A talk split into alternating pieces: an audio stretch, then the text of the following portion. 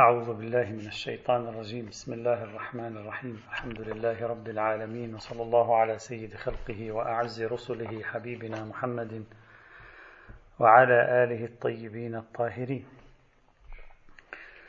وصل بنا الحديث ونحن نستعرض الاتجاه المعنوي آه الذي ينتقد تجوهر الدين بالتعبد بمعنى من المعاني ويذهب نحو نمط آخر.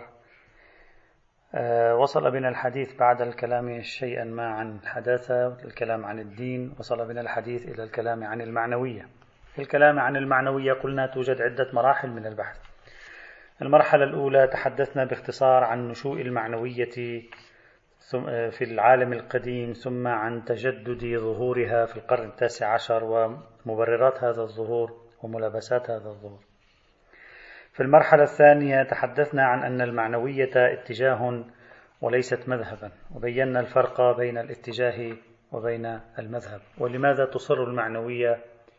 لا أقل معنوية أمثال ملكيان على أن لا تعتبر نفسها مذهبا من المذاهب وإنما اتجاه طيف نزعة من النزعات. المرحلة الثالثة من البحث في المعنوية سأضعه تحت عنوان أهداف النزعة المعنوية في الدين. بعبارة أخرى ما الذي تريد النزعة المعنوية في الدين أن تحققه؟ لتؤمن حلا للخلاف والاختلاف والتنازع بينها وبين العصر الحديث بينها وبين أو بينه وبين العصر الحديث أو بينه وبين الحداثة. المعنوية تقول يوجد مشاكل وآلام ومصاعب كثيرة في العالم اليوم وقبل اليوم. بعض هذه المشاكل والمصاعب يتكفل علم الطب بحلها. بعض المشاكل والمصاعب يتكفل علم الفيزياء أو علم الكيمياء بحلها. بعض ثالث تتكفل علوم الأحياء بحلها. وهكذا. لكن ثمة نوع من الآلام والمصاعب والمشاق في حياة البشر لا يمكن أن يزيلها إلا الدين. على الأقل إن لم يستطع الدين أن يزيلها فهو قادر في الحد الأدنى أن يجعل الإنسان متكيفا معها. بمعنى يقلص من المردود السلبي الراجع على الإنسان بسبب تلك المصاعب أو يهون عليه تلك المصاعب والآلام والمعاناة. النقطة المركزية من وجهة نظر المعنوية، النقطة المركزية في حاجتنا للدين تكمن هنا. أرجو أن تضعوا خط تحت هذه الجملة، تكمن هنا وهنا فقط. فقط هذا هو الذي نحتاجه من الدين. لماذا فقط وفقط هذا الذي نحتاجه من الدين؟ يعني رفع بعض المشكلات والآلام والمصاعب التي لا تستطيع سائر العلوم والطاقات البشرية أن ترفعها. لماذا؟ لأن المشكلات الأخرى في الحياة استطاع العلم، استطاع العقل، استطاع الإنسان بنفسه تقديم حلول فيها عبر الفيزياء، عبر الكيمياء، عبر الطب، عبر الصيدلة، عبر علوم الأحياء، عبر السياسة، عبر علوم النفس، عبر علوم الاجتماع إلى آخره.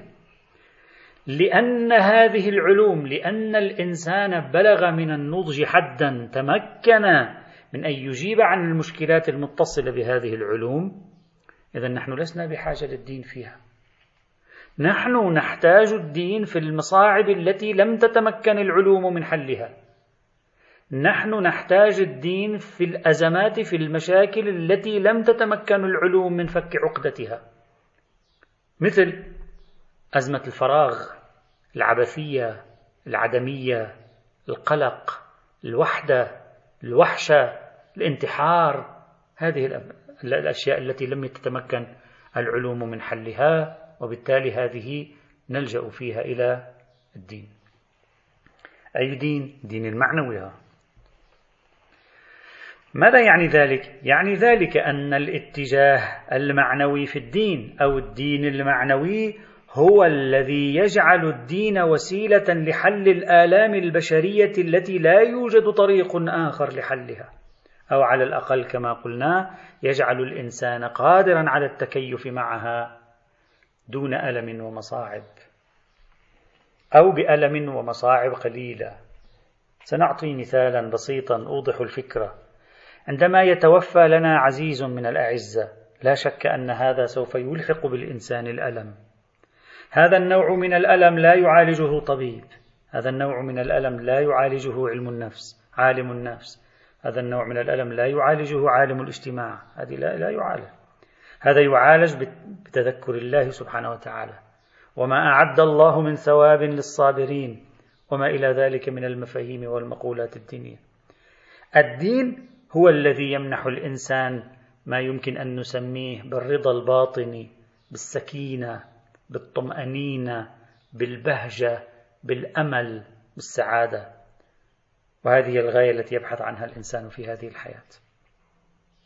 هذا هو المنطلق الذي انطلق منه من يتبنى اتجاه المعنوية. ثغرة كبيرة في حياة الإنسان لا يملأها إلا الدين. كلما توسعت هذه الثغرة اتسع الدين في حضوره. كلما تضيقت هذه الثغرة ضاقت المساحة التي يحضر فيها الدين في حياة الإنسان وهكذا. إذا ما هو الهدف من وراء النزعة المعنوية في الدين؟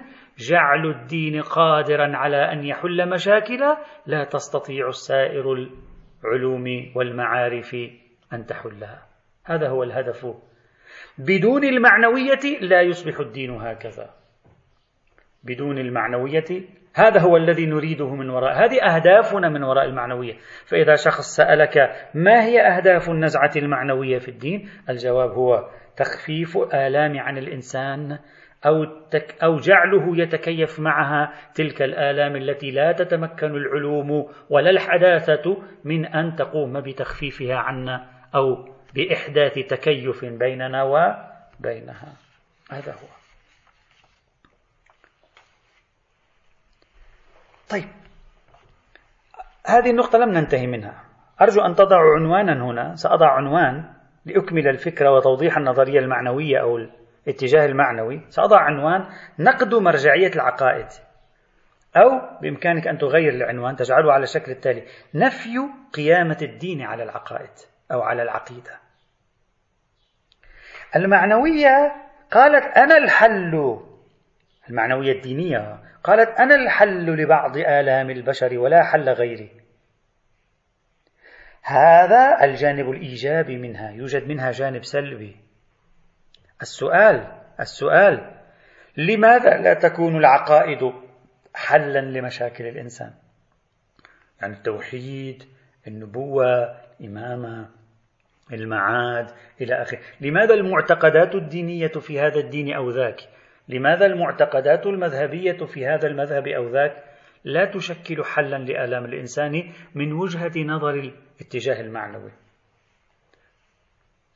السبب هو يوجد هنا ثلاثة أسباب أساسية تجعل الاتجاه المعنوي إخواني الأعزاء لا يميل إلى الانتماءات العقائدية. أصلا لا تهمه العقائد لا يهمه إثبات صحة العقائد تهمه هذه العلاقة الروحية مع هذه المقولات الدينية. بصرف النظر هذه المقولات الدينية صحيحة أو غير صحيحة. أنا ما يهمني صحتها أصلا. سيأتي وقت تقدم أيضا أنه لا يمكن إثبات صحتها أصلا عندهم. ما الذي جعل المعنويين يعتبرون الجانب المعنوي في الدين هو الذي يحل المشاكل وليس الجانب العقدي في الدين؟ هذا هو. ما الذي جعلهم يعتبرون الجانب المعنوي هو الذي حل المشاكل وليس النظم الاجتماعية أو العلوم الطبيعية. الآن سنقول. ثلاث أسباب. أولا يقول المعنويون الدين المسيحي يحل مشاكل المسيحيين. الدين الإسلامي هم أيضا جاي يحل مشاكل المسلمين. أي مشاكل؟ مشاكل التي هي الأهلام والمصاعب. مشاكل من وجهة نظر الإنسان المعنوي. يعني المشاكل التي لا حل لها إلا بالدين. المسيحية تحل مشاكل المسيحيين الإسلام يحل مشاكل المسلمين اليهودية تحل مشاكل اليهود وهكذا.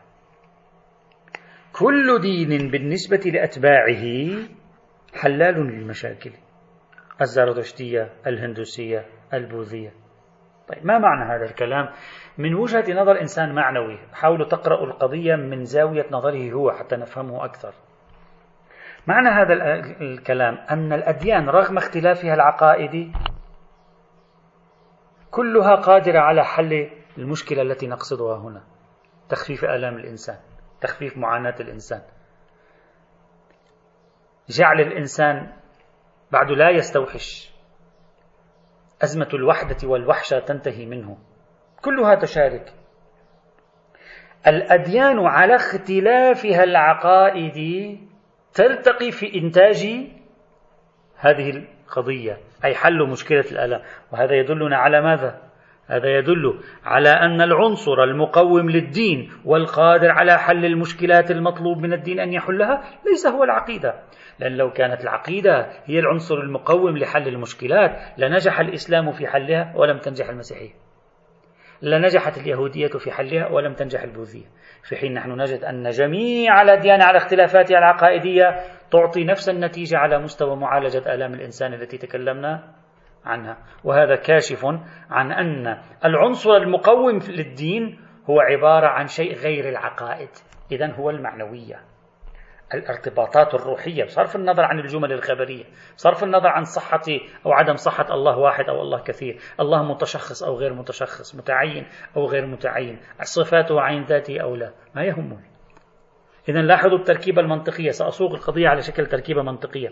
جميع الأديان تنتج النتيجة المطلوبة بالنسبة للمعنوي وهي إزالة الآلام. جميع الأديان مختلفة في العقائد فيما بينها. الآن ركب المقدمتين على بعض على بعضهما. إذا ليست العقائد هي التي تعالج الآلام. وإنما شيء آخر في الأديان هو الذي يعالج الآلام وهو العنصر المشترك هذا. المعنوية بهذا المعنى لكلمة العنصر المشترك هذا أولا ثانيا العلوم الطبيعية والعلوم التجريبية لم يكن لها دور في في في معالجة الآلام التي تكلمنا عنها. يعني الدين لم يعالج الآلام بسبب اشتماله على علوم طبيعية وتجريبية، بسبب الطب النبوي، بسبب اشتماله على معلومات متعلقة بالكون والحياة، بسبب اشتماله على معلومات متعلقة بجسم الإنسان، على أسرار الطبيعة، لا ليست هذه. العلوم الطبيعية والتجريبية لم يكن لها أي دور في معالجة آلام الإنسان هذه. سبب الدين في عصر الجهل المطلق بالعلوم الطبيعية سابقا كان يقدر على أن يحل الآلام وهو الآن قادر على أن يحل الآلام بنفس الطريقة. بمعنى شوف لاحظوا معي. الزخم المعلوماتي في الدين المتصل بالطبيعة وبالعلوم التجريبية لا يقدم ولا يؤخر شيئا. الدين قادر يعطي نفس النتيجة سواء اشتمل على العلوم الطبيعية جاءت معه العلوم الطبيعية وتجريبية أو لم تأتي معه. هذا يدل على أن الدين قدرته على حل المشاكل ليس من جهة عقائده. هذا أولا. ثانيا ليس من جهة التجريبيات والعلوم الطبيعية التي معه أو فيه.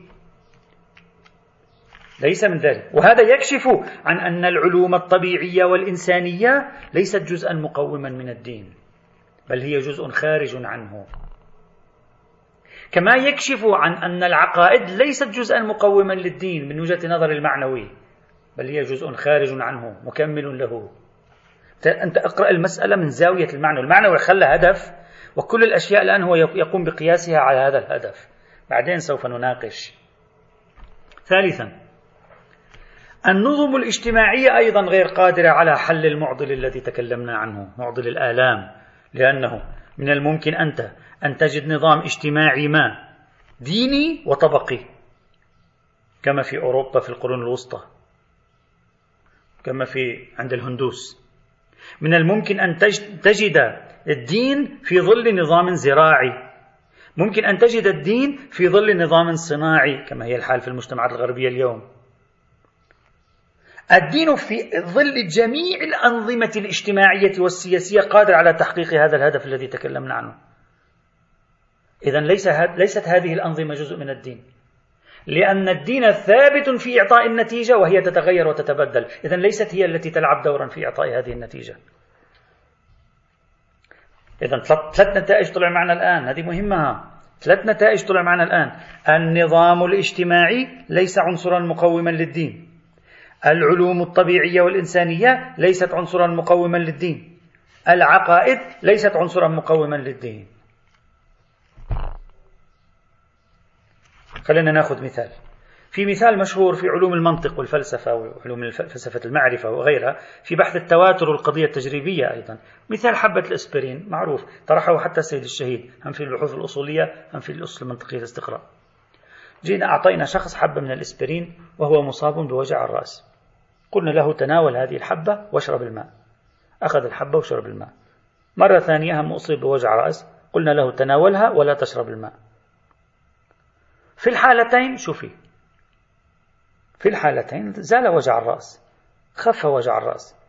نعرف أن الماء لا علاقة له بالعلاج. يعني حبة الإسبرين لو كان الماء له علاقة بالعلاج لكن في المرة الأولى شفي في المرة الثانية مفترض ما يشفى لأن المرة الثانية تناول حبة الإسبرين ولم يشرب الماء. هو شفي في الاثنين فنأخذ ما هو القاسم المشترك المتكرر في الاثنين؟ اللي هو حبة الإسبرين. نعرف أن حبة الإسبرين هي التي أثرت وليس شرب الماء. كذلك لو قلنا له مثلا تناول حبة الإسبرين وكل التفاح. ومرة ثانية قلنا له تناول حبة الإسبرين ولا تأكل تفاح. وفي الحالتين وجدنا أنه عولج. نعرف أن التفاح لا علاقة له. لأن المعلول لا يتخلف عن علته والعلة إذا تمت لا تنفك عن معلولها.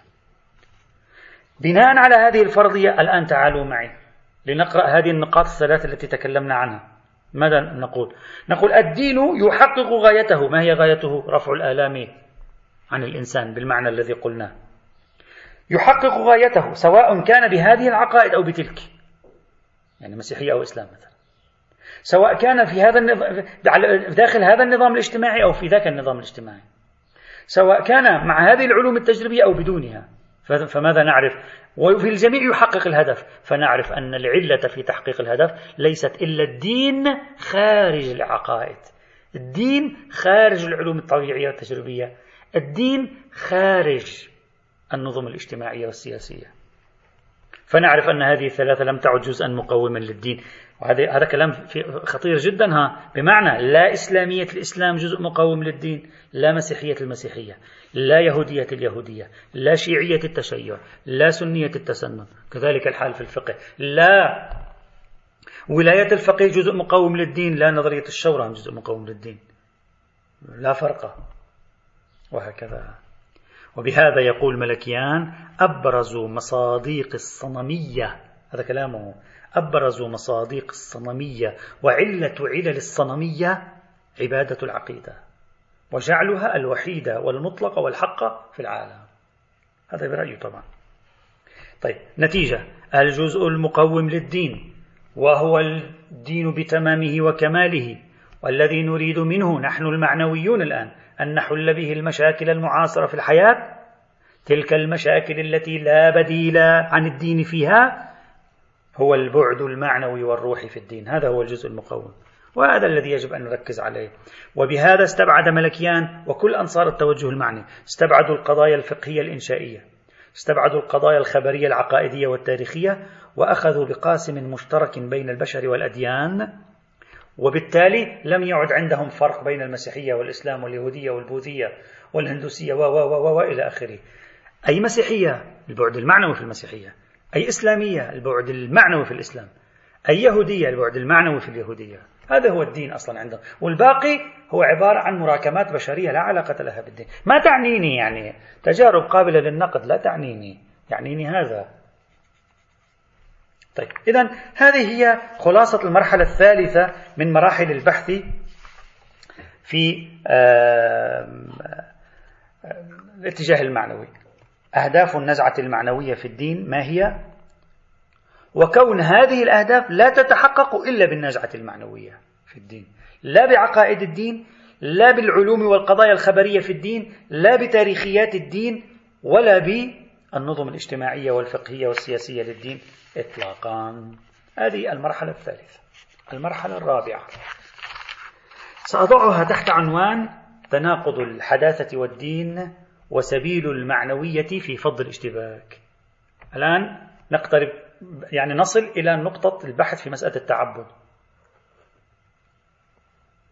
نصل إلى نقطة البحث في مسألة التعبد. سابقا قلنا إذا تذكرون في أول ما شرعنا في الحديث عن أطروحة الإيمانية المعنوية قلنا بأنهم أنهم قسموا عناصر الحداثة إلى ما يمكن اجتنابه وما لا يمكن اجتنابه. الآن حان الوقت لكي ندرس الحداثة في مقوماتها التي لا يمكن اجتنابها، للنظر في مديات توافقها مع الدين أو عدم توافقها مع الدين. وهنا بالضبط تولد فكرة تعبدية الأديان وموقف المعنويين من تعبدية الأديان. في هذه المرحلة الرابعة سأجعل البحث على شكل نقاط. النقطة الأولى سأضعها تحت عنوان بين عقلانية الحداثة وتعبدية الأديان. يعتبر المعنويون عندما يوصفون المشهد هكذا يقولون يقولون من المعالم الرئيسة للحداثة البرهان والاستدلال لا تقبل الحداثة بأي شيء إلا عن برهان واستدلال وحجة ومنطق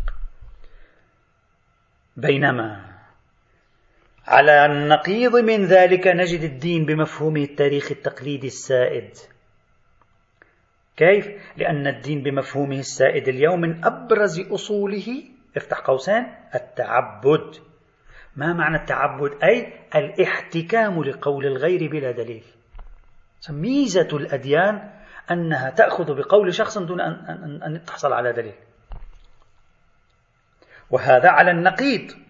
على التنافر على المعارضة التامة بين الأصول التي تقوم عليها الحداثة والتي لا يمكن تخلي عنها. أنت إذا تخلع من الحداثة جانب عقلانيتها واستدلاليتها لا تعود الحداثة حداثة. انتهينا بعد؟ لا يمكن التوفيق بين عقل حداثي يسأل عن دليل في كل شيء لا يأخذ بشيء إلا بدليل وبين عقل ديني تاريخي بالمعنى السائد. الذي نعرفه اليوم. يبني حياته من أول إلى آخرها على الاتباع على الاحتكام للغير على التعبد بما يقوله الآخرون. دون سؤال عن العلة عن الغاية عن الدليل عن المبرر ما في أصلا. ويعتبر المعنويون على رأسهم ملكيان في الساحة الإسلامية يعتبرون لا يمكن التوفيق بين الدين بشكله السائد وبين هذا المقوم الرئيس من مقومات الحداثة. تناقض تام. طيب بناء على انهيار جهود التوفيق لا يوجد توفيق ما العمل؟ يقول المعنويون هنا الحل يكمن مش في التخلي عن الحداثة. دائما شوفوا خذوا بعين الاعتبار. الحداثة عند هؤلاء من المقدسات تقريبا. يعني لا أقول ما أقصد مقدساتها. يعني بمعنى آخر, آخر شيء نفكر في نقد الحداثة. الحداثة خلاص البشرية تجاوزتها مسلمة انتهت. مقومات الحداثة مسلمة. نحن نجي نناقش فيها من البداية؟ هذه انتهينا منها. البشرية دخلت في مرحلة جديدة. طيب إذا إذا كان الدين السائد يتناقض مع أصل رئيس من أصول الحداثة مقوم للحداثة ما العمل؟ علينا أن نتخلى في الدين عن كل شيء يشتمل على تعبد. لأننا لا نستطيع أن نتخلى عن هذا المقوم من مقومات الحداثة إذ لا يمكن اجتنابه إطلاقا. فنقبل كل من سجم مع عقلانية الحداثة ونرفض كل ما خالف عقلانية الحداثة. ومن الواضح أن منطق التعبد لا ينسجم مع منطق العقلانية والبرهان والاستدلال في الحداثة. فلا بد أن نلغي ثقافة التعبد في الدين. طيب يابا يا حبيبنا أنت, أنت تعرف ماذا تقول؟ إلغاء ثقافة التعبد في الدين. ما الذي سيبقى من الدين؟ يقول والله أعرف أنا أعرف. لا تظن أنني لا أعرف أنا أعرف. لن يبقى إلا البعد المعنوي فيه. هذا هو الذي نريده. وهكذا يصبح الدين يساوي المعنوية لأن المعنوية لا تؤمن بالتعبد. لأن من ينحو منحا معنويا لا يؤمن بحجية قول الغير.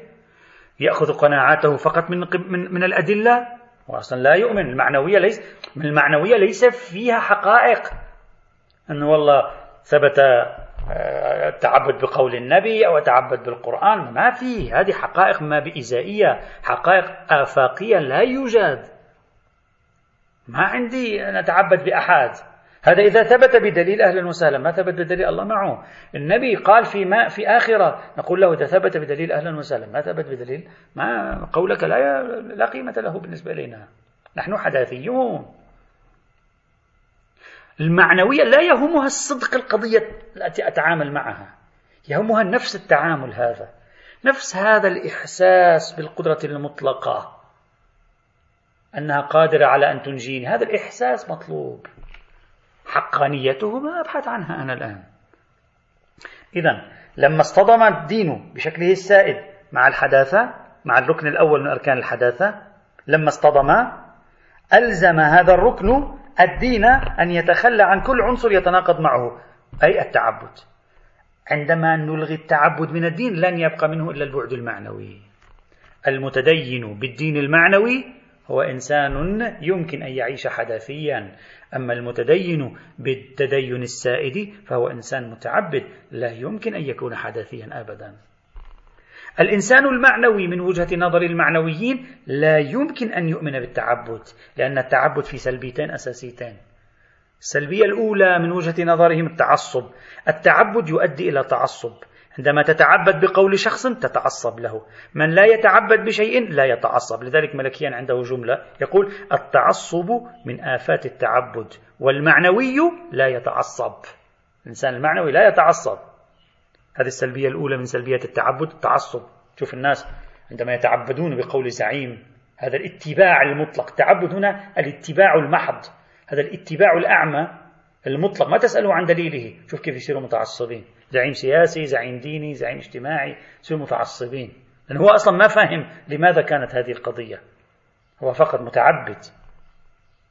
هذه السلبية الأولى برأيهم تعصب السلبية الثانية الأحكام المسبقة.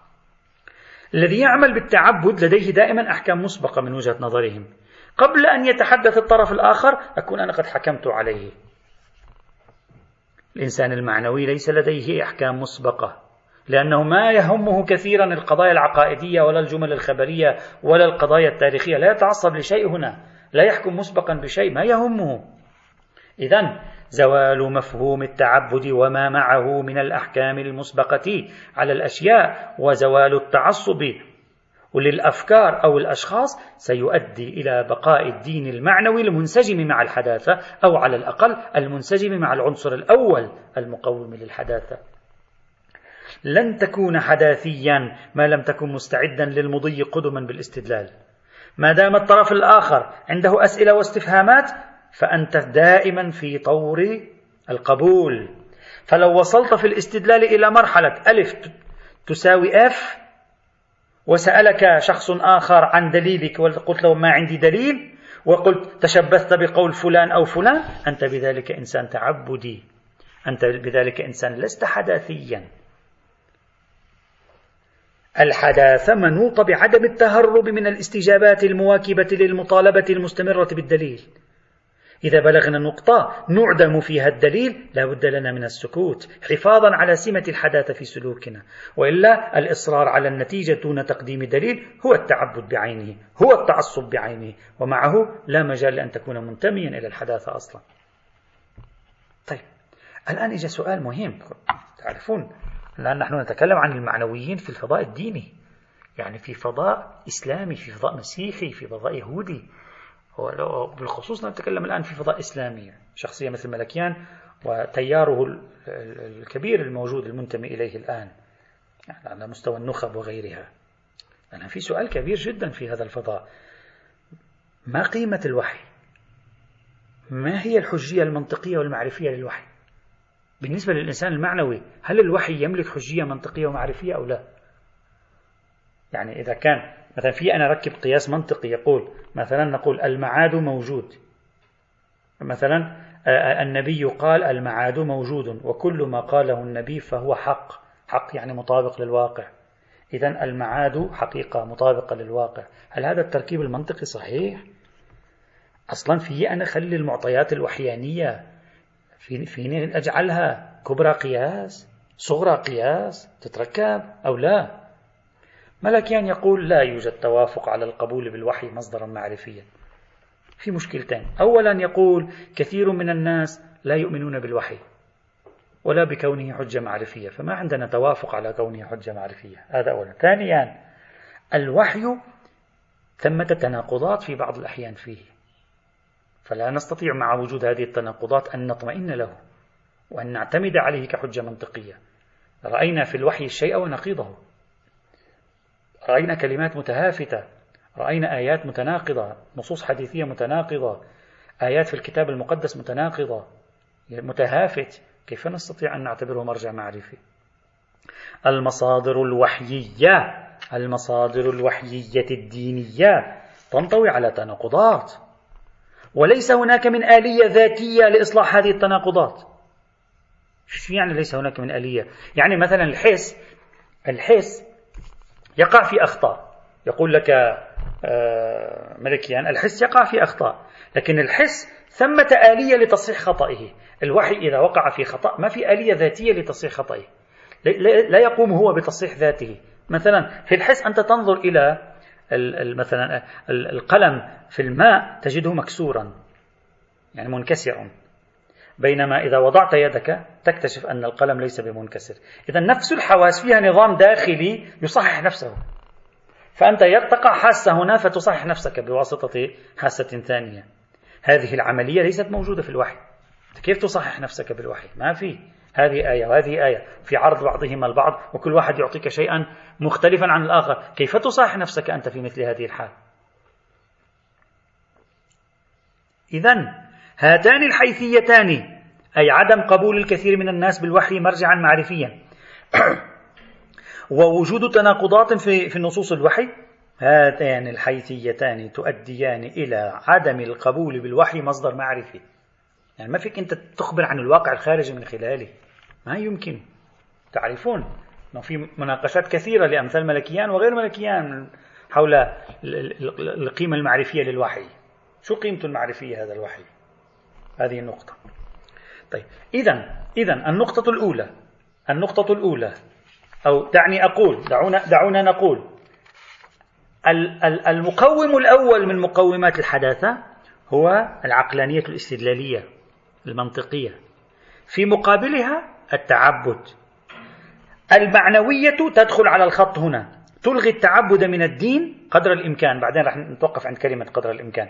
تلغي التعبد من الدين فلا يبقى من الدين إلا ما يمكنه أن يتصالح مع الحداثة. وبهذا يقول ملكيان إنني قدمت قراءة للدين قادرة على أن تتصالح مع الحداثة. وبهذا تحظى النزعة العقلانية الاستدلالية بوجودها. وتعود لذاتها القائمة ذاتها قائمة على ماذا؟ على الاحتكام للذات وعدم الاحتكام للغير. كما يعبر الفيلسوف اللاهوتي الألماني بول تيليش المتوفى سنة 1965 وهو من كبار الفلاسفة اللاهوتيين في القرن العشرين كان يقول القيمة النزعة العقلانية الاستدلالية الاحتكام للذات. ما أحتكم لغيري أنا أحتكم لذاتي. الإنسان الاستدلالي عند تلش ليس مستعدا إلا لقبول حكم نفسه. أما الإنسان المتعبد أصلا حياته أحيانا تكون قائمة على أحكام الآخرين وليس على حكم نفسه إطلاقا. هذه نقطة الأولى. إذا أول تناقض بين الدين السائد وبين الحداثة في العقلانية الاستدلالية. هذا التناقض من جهة عقلانية استدلالية من جهة تعبد. المعنوية تحل هذا التناقض بواسطة إلغاء التعبد من الدين والإبقاء على العنصر المعنوي فيه. عدنا إلى حالة من الوفاق. طيب هذه النقطة الأولى. النقطة الثانية أو المقوم الثاني. موقع القداسة الفردية بين الدين والحداثة والمعنوية. هذا أجعل الوزن. يصلح شعار. موقع القداسة موقع القداسة الفردية بين الدين والحداثة والمعنوية. هذه النقطة الثانية أو المقوم الثاني استكمال هو أيضا للمقوم الأول واستتباع له كذلك. المعنويون ومنهم ملكيان هنا في تحليلهم لمقومات الحداثة يعتبرون أن إحدى أكبر سمات الحداثة دعوتها للمساواة. البشر جميعا ينظر إليهم بنظرة معرفية على أنهم بمستوى واحد. المساواة تعني النظر إلى الجميع بعين واحدة. ومعنى ذلك كل من يدعي شيئا لابد أن يأتي بدليل. إذا أتى بدليل قبل كلامه لم يأتي بدليل لا يقبل كلامه. ما معنى هذا الكلام؟ هذا الكلام ليس بسيط. المساواة من الناحية المعرفية نتكلم. خلع القداسة القداسات المعرفية. مساواة من الناحية المعرفية ماذا تعني؟ كل الأشخاص مثل بعض. أي كلمة يقولونها لازم يجيبوها مشفوعة بدليل. إذا الدليل اقتنعنا به أهلا وسهلا. ما اقتنعنا به نتركهم. هذه هذا المقوم الثاني من مقومات الحداثة على المستوى المعرفي. ماذا ينتج؟ ينتج أن جميع الأشخاص والأفراد أصبحوا مجردين من القدسية والقداسة. طبعا القدسية والقداسة ملكيا يعتبر هذه المفردة مفردة مبهمة لا معنى لها. لكن يقول أنا أستعملها من باب كما تستعمل اليوم. لكن يقول هو أصلا تعريفها مبهم. من مقومات الحداثة التي لا يمكن اجتنابها أنه لا يوجد شخص مقدس. لكن بالله عليك هل يمكنك أن تخلع من الدين سمة تقديس الأفراد؟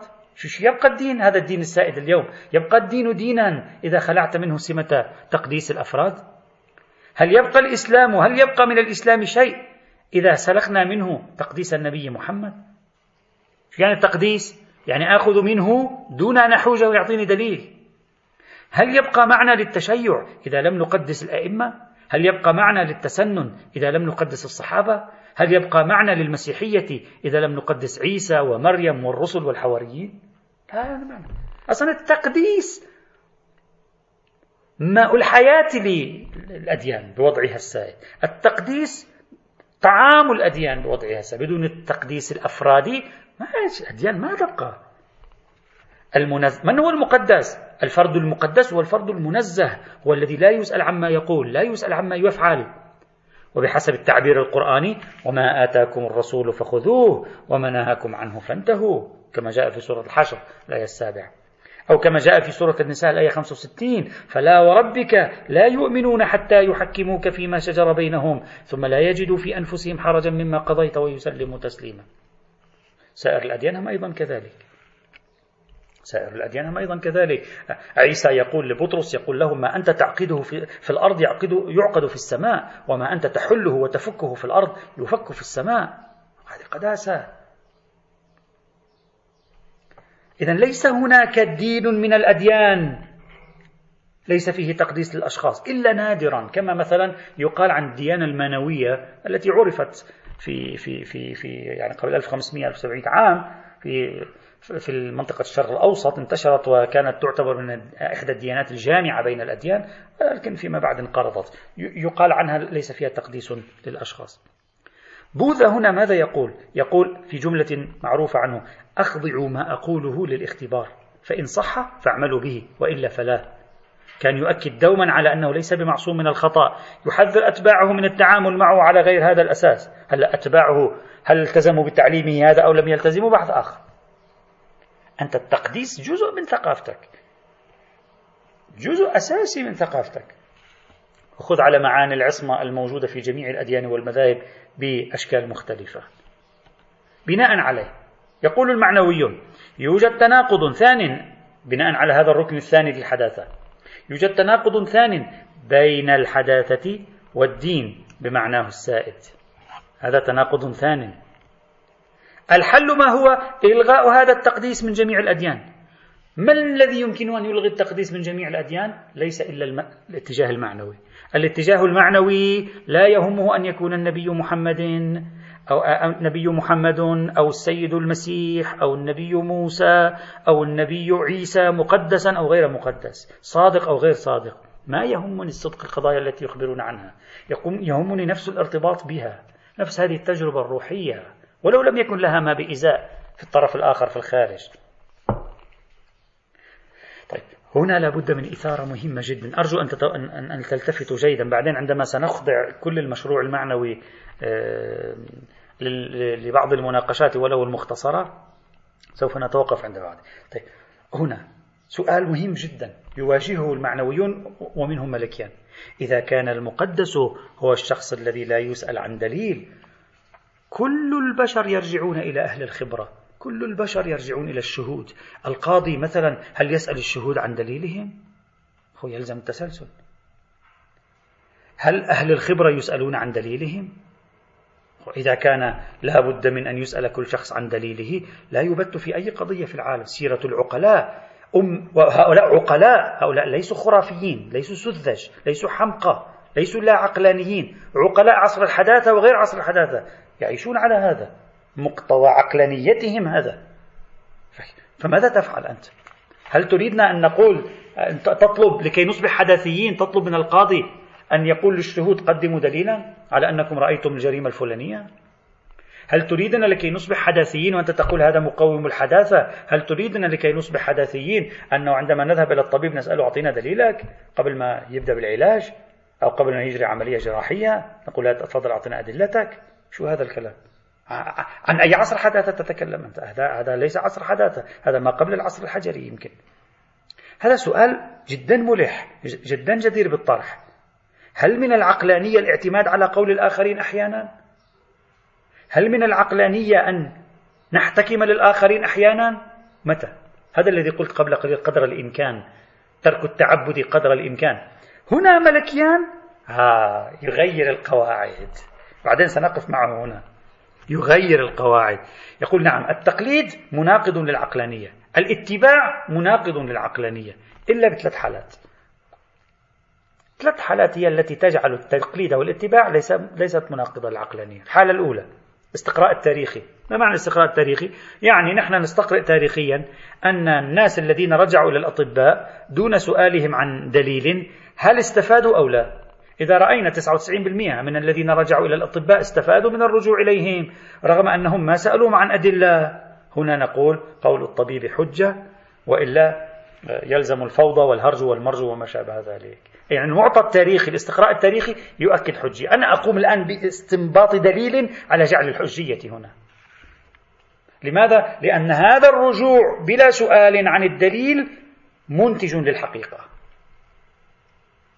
خلي خط تحت هذه. كلام خطير جدا. الحالة الثانية التجربة الشخصية. مثلا أنت تدرس عند أستاذ موسيقى كما هم يمثلون. تستفيد منه. أنت ولا يوم سألته عن دليل لكن استفدت حقيقة استفدت منه. استطعت أن تأخذ منه وأن أن تصبح إنسانا قادرا على الإنتاج في مجال الموسيقى والفن. هنا في مثل هذا الحال حصل لك قناعة شخصية بسلامة ما يقوله لك رغم أنك لم تسأله عن دليل. وهذا كاف. في النهاية هذه القناعة نوع عقلانية. كأنما كأنما كأنما ملكيان. يقول هذه القناعة التي حصلت لك بفعل التجربة الشخصية من الرجوع إلى شخص دون أن تسأله عن دليل هذه القناعة بإنتاجية كلامه هي بحد نفسها تصبح الآن فعلا عقلانيا.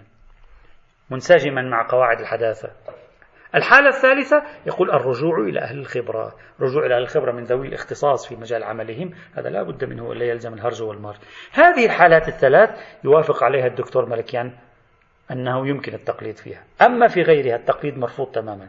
طبعا عندما نقارن هذه الحالات الثلاث ونقارن موقف ملكيان من التقليد في فضاء الدين سنستنتج تلقائيا أن ملكيان لا يعتبر الأنبياء ولا الأئمة ولا الرسل ولا الأولياء ولا القديسين لا يعتبر أنه يمكن أن نخضعهم لا للحالة الأولى اللي هي الاستقراء التاريخي ولا للحالة الثانية اللي هي التجربة الشخصية ولا للحالة الثالثة اللي هي الرجوع إلى أهل الخبرة. وإلا إذا كان يمكن إدراج الاتباع لهم ضمن الحالات الثلاث المفروض أن التقليد فيها ينسجم حينئذ مع الحداثة ويكون عقلانيا.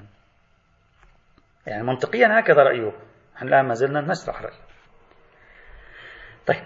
إذا هذا المقوم الثاني للحداثة وعلاقته بالدين وكيف أنه متصادم مع الدين ولكن المعنوية تزيل هذا التصادم وتجمع بين الدين بين قوسين المعنوي وبين الحداثة بقيمها أو بقيمتها الأولى والثانية. يعني العقلانية الاستدلالية هذا أولا. ثانيا اللا تقديس المعلم أو المقوم الثالث للحداثة مما لا يمكن اجتنابه تاريخية الأديان وانهيار الوثوق بالتاريخ.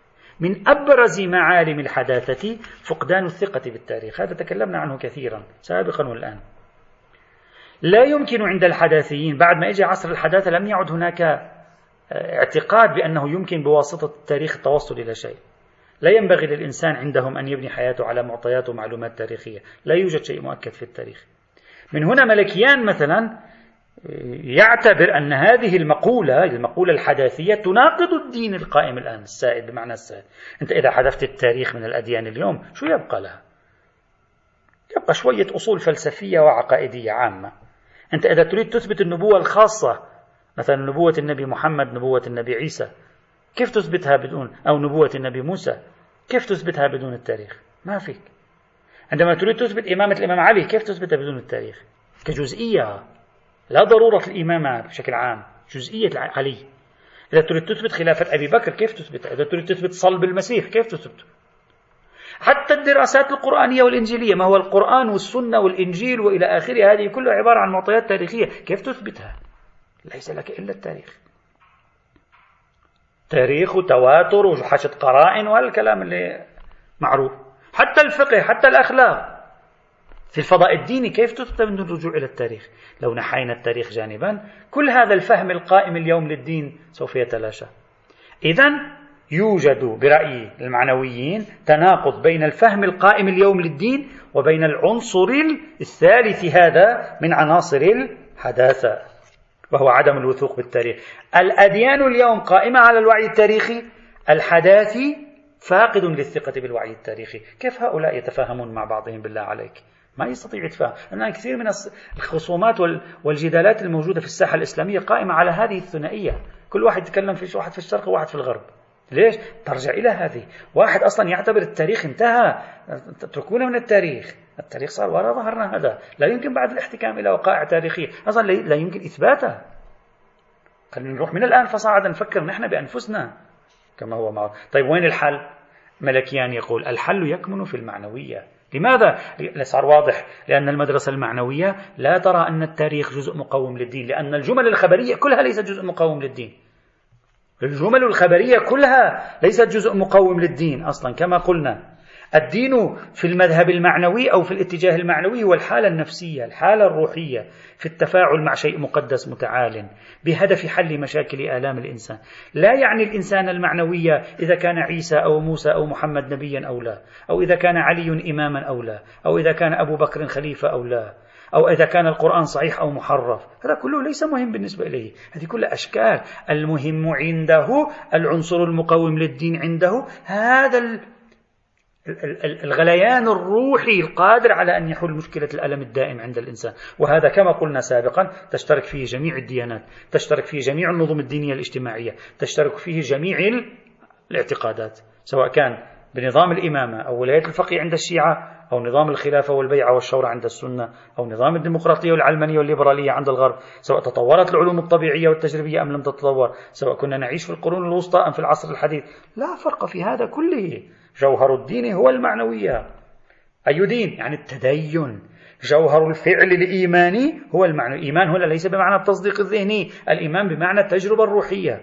وهذه هي الكفيلة بحل مشكلة الألم مشكلة الصراع مشكلة الفراغ مشكلة العدمية مشكلة العبثية التي يعيشها الإنسان في هذا العصر. إذا لم تعد هناك أهمية للتاريخ. لكل ما يحمله من مضمون ديني. وإذا لم تكن هناك أهمية في المدرسة المعنوية للتاريخ إذا الدين المعنوي لا يتناقض مع الحداثة لأن الحداثة إذا ترفض التاريخ فإن المعنوية ليست متشبثة به كما قلنا.